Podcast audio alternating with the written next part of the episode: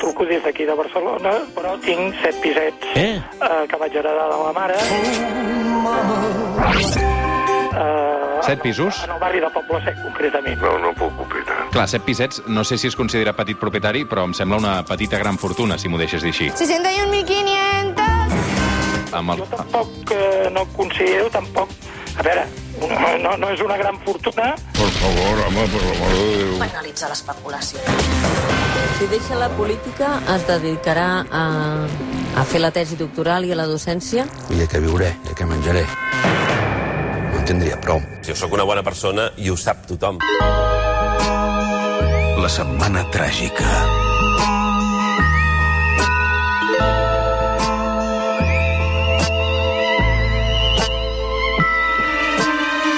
A Londres, Toni Rodon, doctor europeu en Ciències Polítiques, investigador a la London School of Economics, a la Universitat de Stanford, a Califòrnia, i una pila de càrrecs més, professor de l'OPF. Bon dia, Toni.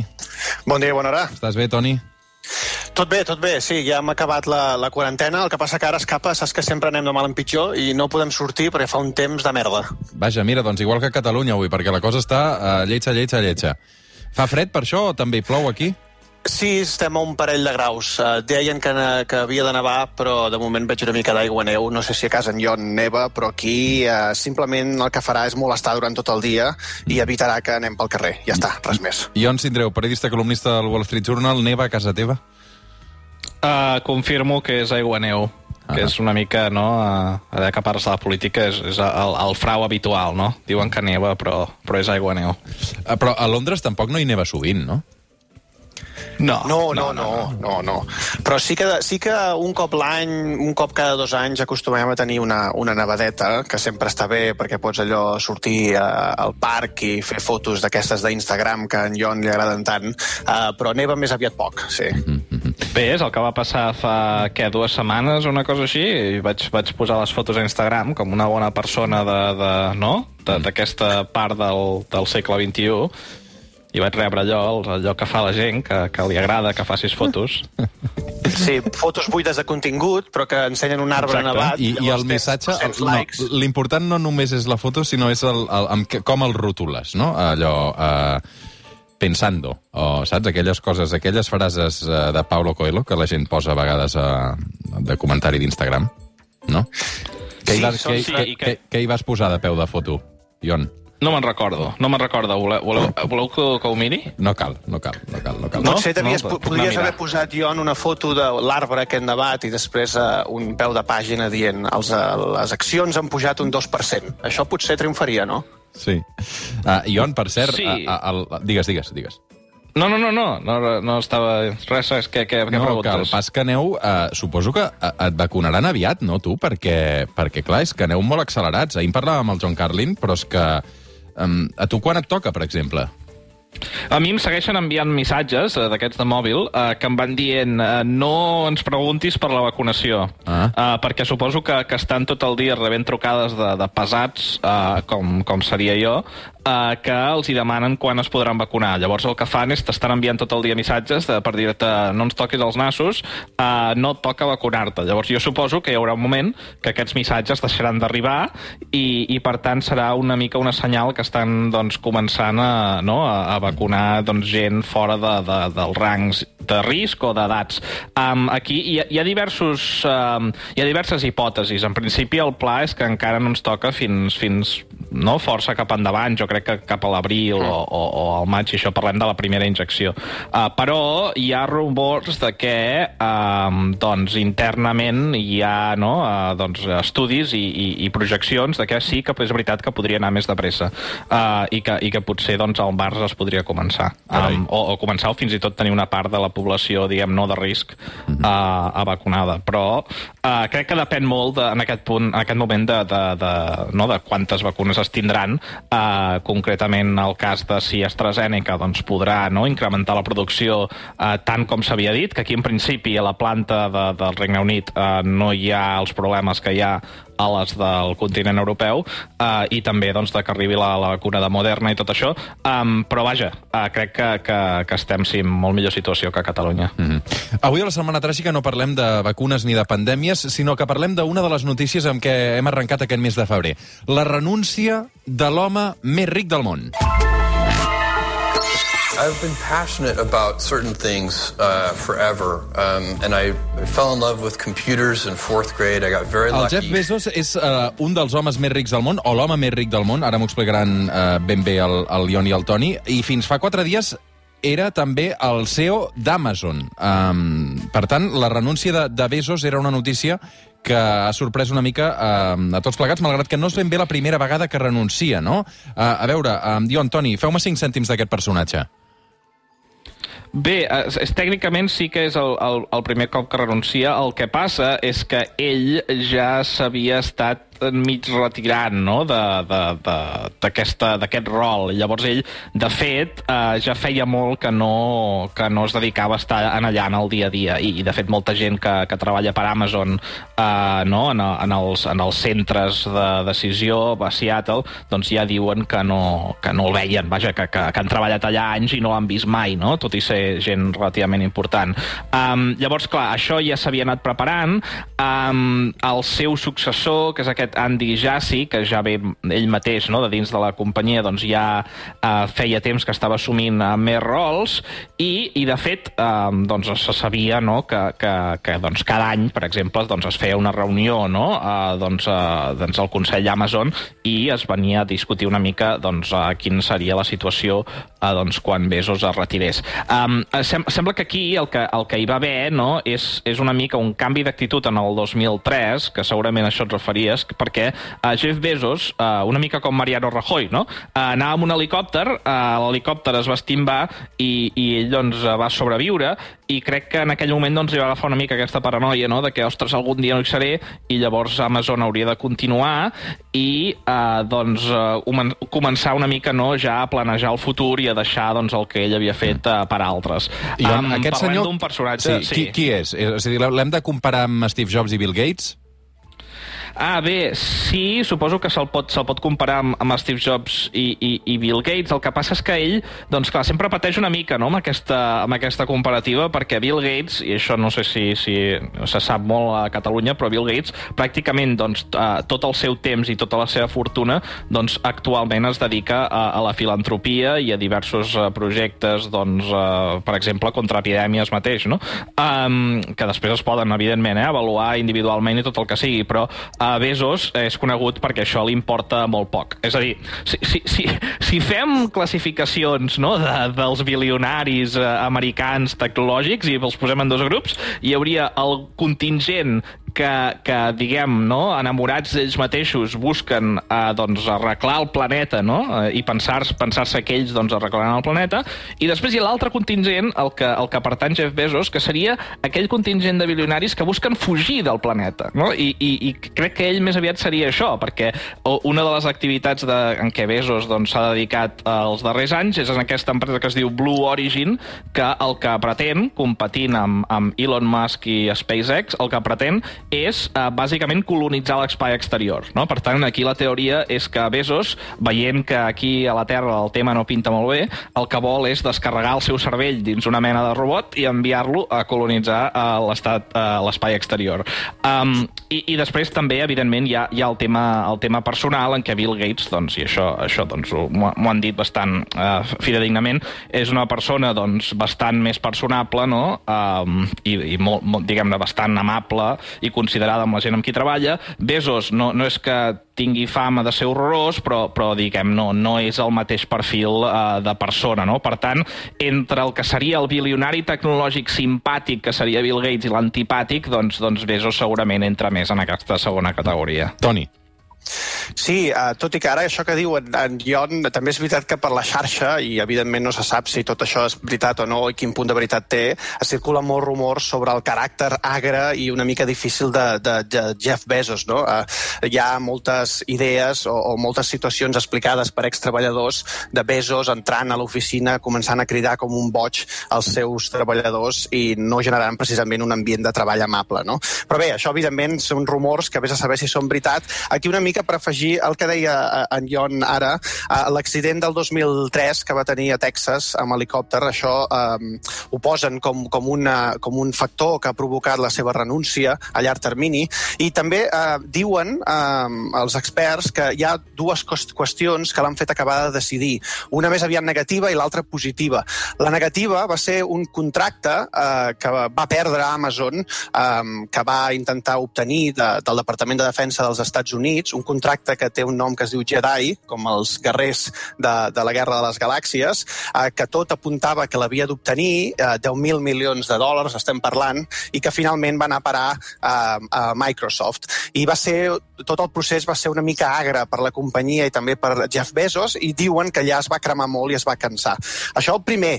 I després eh, hi ha un altre factor que mm, suposo que l'ha acabat de decidir, que és que eh, Amazon i Jeff Bezos, per tant, durant l'època de la Covid, durant aquest any, s'ha bàsicament forrat. És a dir, qui no ha comprat algun producte a Amazon, amb perdó per la publicitat, durant l'últim any eh, de, de pandèmia?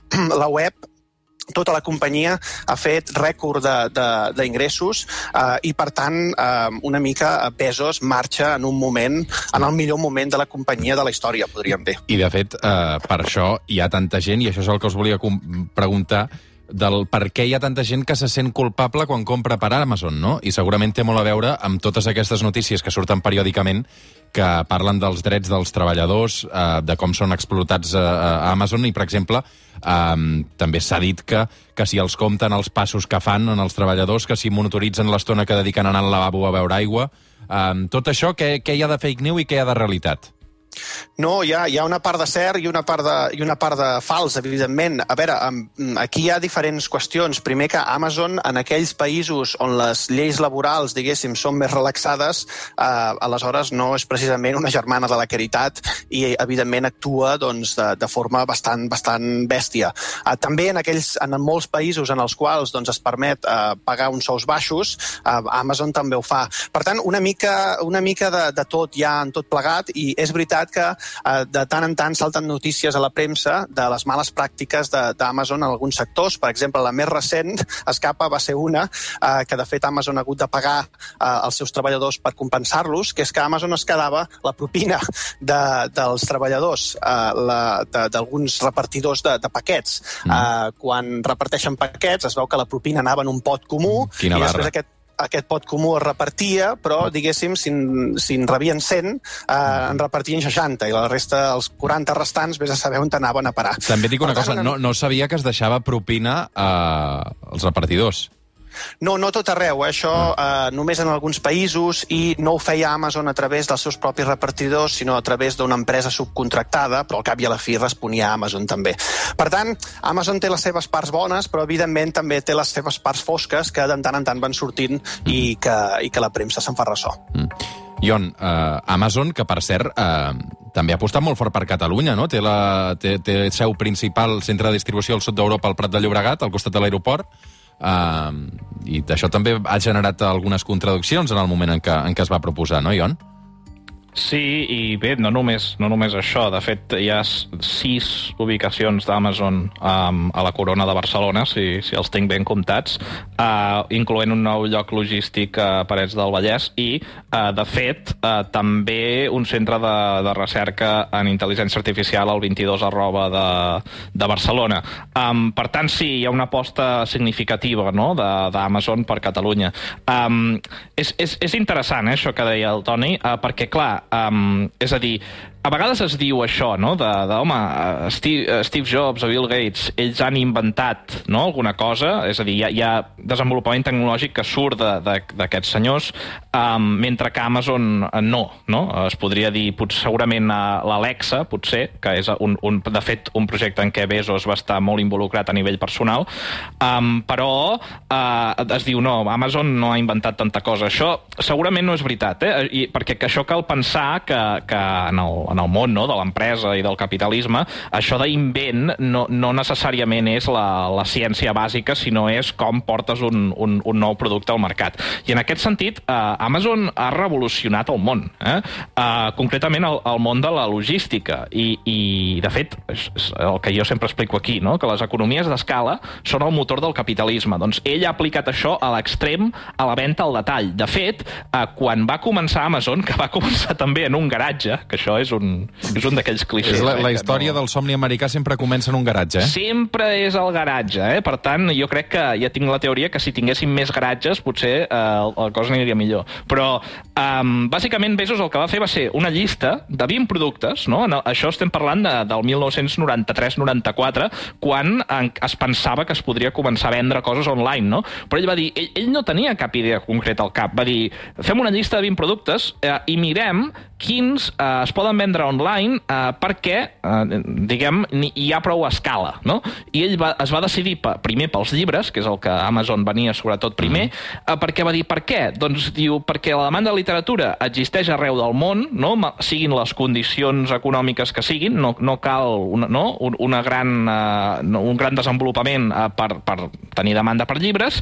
Eh, els llibres, cada unitat és molt barat i segurament es pot abaratir més no? si tenim poder sobre, sobre els, els subministradors i eh, hi ha alhora una immensa quantitat no? de, de, de productes pel món, i a més, però també variats, no? és a dir, perquè cada llibre és diferent eh, d'un altre llibre. Eh, i, I, per tant, ell el que va fer és aplicar això, eh, convertir eh, doncs el seu, la seva web no? en el sol lloc en què tu compraves llibres a través d'internet, amb les teves dades doncs, saber què recomanar-te, amb el poder de l'escala intentar rebaixar preus dels subministradors i sobretot, eh, en el moment en què tenia això, intentar revolucionar el món de la logística i de quina manera es produeixen tots aquests enviaments. No? Eh, en el seu dia, els megacentres de distribució estaven eh, més allunyats de les ciutats, més en els suburbis. Eh, gràcies a, a la, l'escala d'Amazon s'ha fet, s'ha abaratit el fet de poder-te enviar coses, doncs això, en 24 hores, no? El que se'n diu el last mile delivery. Llavors, això el que ha fet és que tots aquests megacentres s'apropin més a les ciutats mateixes, no? que és una cosa que havia estat massa car per a empreses que no tenien l'escala d'Amazon. I ara mateix Amazon està, per exemple, incrementant la seva flota d'avions. Té els seus propis avions no? per intentar doncs, encara fer més eficient aquesta distribució i té plans doncs, de fer-ho amb drones i amb, i amb mil altres maneres. Um, això cal dir que en el seu dia no estava clar que funcionaria, perquè Amazon uh, fins fa relativament poc, fins fa uns 5 anys, no feia masses diners. Tots aquests costos i totes aquestes inversions massives feien que pràcticament no guanyés masses diners i hi havia molta gent que deia ah, és que Amazon, no, que, que ha pujat tant a borsa, és una especulació que es desinflarà, no? es desinflarà com aquelles empreses .com de, de, dels anys 2000. Um, I en el moment en què es va demostrar que això no era així, és a dir, que Amazon, una vegada arribat a l'escala necessària per fer beneficis, efectivament ha aconseguit uh, no, explotar això uh, i, a més a més, fer noves inversions beneficioses. Recordeu el Kindle, no sé si teniu un, un Kindle Kindle d'Amazon, no? Uh, però jo recordo en el seu dia que es deia no, és que això de l'e-book no arrencarà mai, no? no? No hi ha manera de que funcioni. La tecnologia hi és, però no arrenca. Com ho ha fet arrencar Amazon? Clar, ja ens tenia tots allà, no? Ens tenia tots els usuaris i, per tant, vendre'ns el Kindle ha estat molt fàcil. Tot això són economies d'escala i tot això ha fet que ara tots els inversors a Wall Street estan obsessionats en posar diners a empreses que no fan diners amb l'expectativa que seran com Amazon, perquè Amazon ha demostrat que, que aquesta idea no? de que aquesta empresa empresa que no fa diners un dia valdrà milers de milions quan creixi, doncs és viable i té sentit. La pregunta és si ara totes aquestes empreses no, en què eh, doncs Netflix, Uber, WeWork, tot això, doncs també pot ser eh, tan, gegant, no, tan gegantí com Amazon, però en tot cas Amazon ha canviat absolutament el paradigma de com mirem l'economia i les empreses. Toni. Sí, el que passa que, Ion, eh, aquest canvi a vegades també té una disrupció negativa i important, eh? sobretot també a les ciutats. Per exemple, eh, vosaltres sabeu que en ciutats com Londres, a Londres, per exemple, hi ha una cosa que es diu congestion charge, que tenen també altres ciutats, que és aquest impost que paguen els, els cotxes quan entren a la, a dintre de, de, de la ciutat. No? Eh, I una mica la idea és intentar expulsar els cotxes eh, o fer més difícil la vida als conductors de cotxes perquè entrin dintre els entorns urbans i eh, és curiós perquè els polítics, els que, es disseny, o que dissenyen aquestes polítiques públiques estaven molt contents perquè durant anys havien aconseguit reduir la presència de cotxes privats en els entorns urbans i el que passa és que el que s'estan trobant és que a mesura que redueixen els cotxes dels entorns urbans incrementa el número de furgonetes. I què són? Doncs són precisament furgonetes que es dediquen a repartir paquets d'Amazon. I això ha passat en moltes ciutats, no? Eh, els cotxes, precisament, eh, que porten molta contaminació i que molts d'ells s'han acabat retirant, no veiem tant un efecte de, de disminució de CO2 a l'atmosfera, precisament doncs, perquè eh, ha augmentat el número de furgonetes. Clar, a molts països, penseu, eh, això no és tan comú a casa nostra, però al Regne Unit, per exemple, la gent, eh, molta, compra al supermercat a través d'Amazon. És a dir, ells fan la compra a través de- de- d'internet. De, de fet, eh, Amazon eh, va ser notícia fa uns anys perquè ja va comprar un, un supermercat que es diu Whole Foods als Estats Units, que és un supermercat caríssim, eh, que una mica doncs, l'ajudava a, a solidificar la seva posició en, en aquesta situació. Per tant, eh, ha creat un canvi important eh, en l'entorn d'internet i en la forma doncs, en com es venen eh, els productes, però també en molts altres aspectes de la nostra vida, com els entorns urbans o fins i tot doncs, eh, altres tipus de, de qüestions. 3 minuts per dos quarts d'onze. Avui a la Setmana Tràgica, un capítol dedicat a aquest personatge, eh, Jeff Bezos, que hem intentat desgranar eh, a través de- d'Amazon, que, per cert, eh, crec que fa uns anys va sonar com a patrocinador del Barça. Eh, no sé si necessitarem alguna cosa més eh, que un bon patrocinador per, per remuntar. Aclaria més que veure que, Bezos... les coses anaven malament. Sí. Però Bezos ja no és l'home més ric del món, Ah, no? tècnicament, eh? Ah, no. Si ho és? mirem per números, és uh, Elon Musk de Tesla. Ah. Perquè, clar, quan parlem d'això, no?, de qui és la gent més rica del món, això com es fa? Això no és que tinguin els calés al banc, no? Això és que ells tenen les accions de les seves empreses, llavors tu mires quin és el valor de mercat de, de les empreses, no? mires quantes accions tenen, llavors Mm. ho multipliques i, i arribes a un número. Um, I com que Tesla ha pujat tant, doncs uh, resulta que ara mateix Elon Musk uh, doncs, té uns 200.000 uh, milions de dòlars, mentre que Jeff Bezos només, entre Només. cometes, en té 195.000. Doncs, uh, Amancio Ortega sí. crec que està setzè, um, si t'interessa. Mm, no m'interessava gaire, però sí, sí que...